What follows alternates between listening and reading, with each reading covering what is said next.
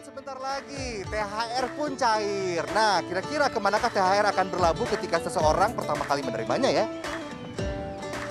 biasanya nih ya kalau misalnya THR itu untuk mudik sih. Dikasih ke saudara-saudara ter udah baru datang nih THR udah habis lagi sih mas biasanya.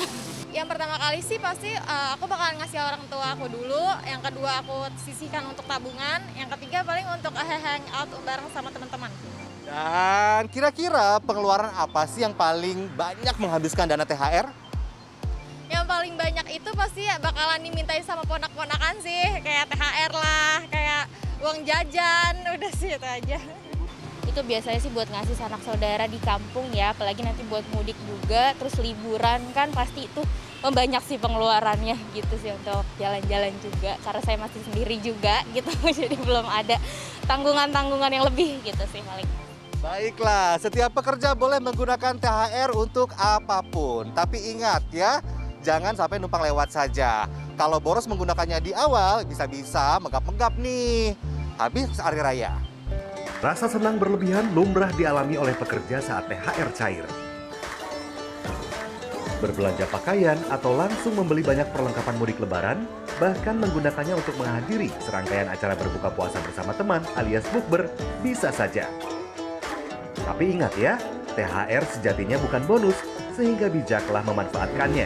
Nah, banyak karyawan menyamakan THR itu seperti bonus, padahal sebetulnya kalau saya bilang THR itu bukan bonus.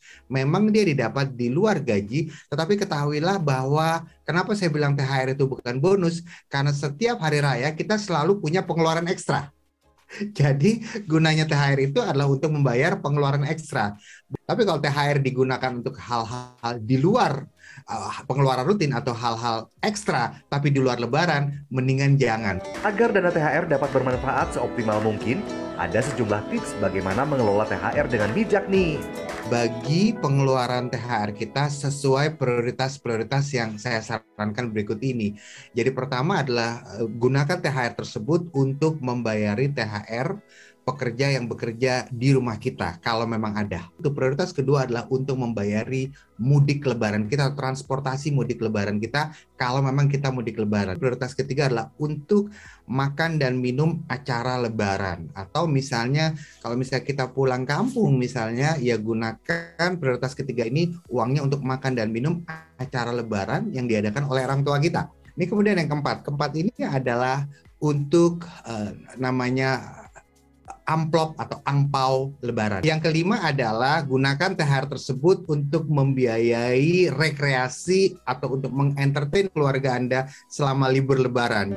Selain kelima prioritas tadi, THR juga bisa dimanfaatkan untuk dana darurat pribadi atau bahkan membayar berbagai kewajiban lain termasuk utang.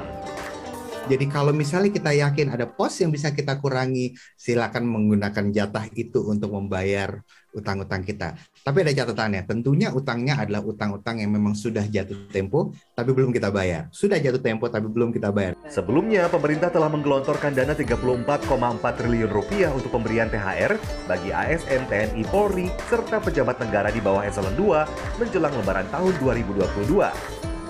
THR diberikan sebagai bantalan ekonomi masyarakat untuk digunakan membiayai pengeluaran ekstra menyambut hari raya. Sebaiknya Anda mengalokasikan dana THR untuk hal-hal yang esensial. Jadi, sudahkah Anda mengelola THR dengan bijak? Victor Pangaribuan, Aryo Asmoro, Jakarta.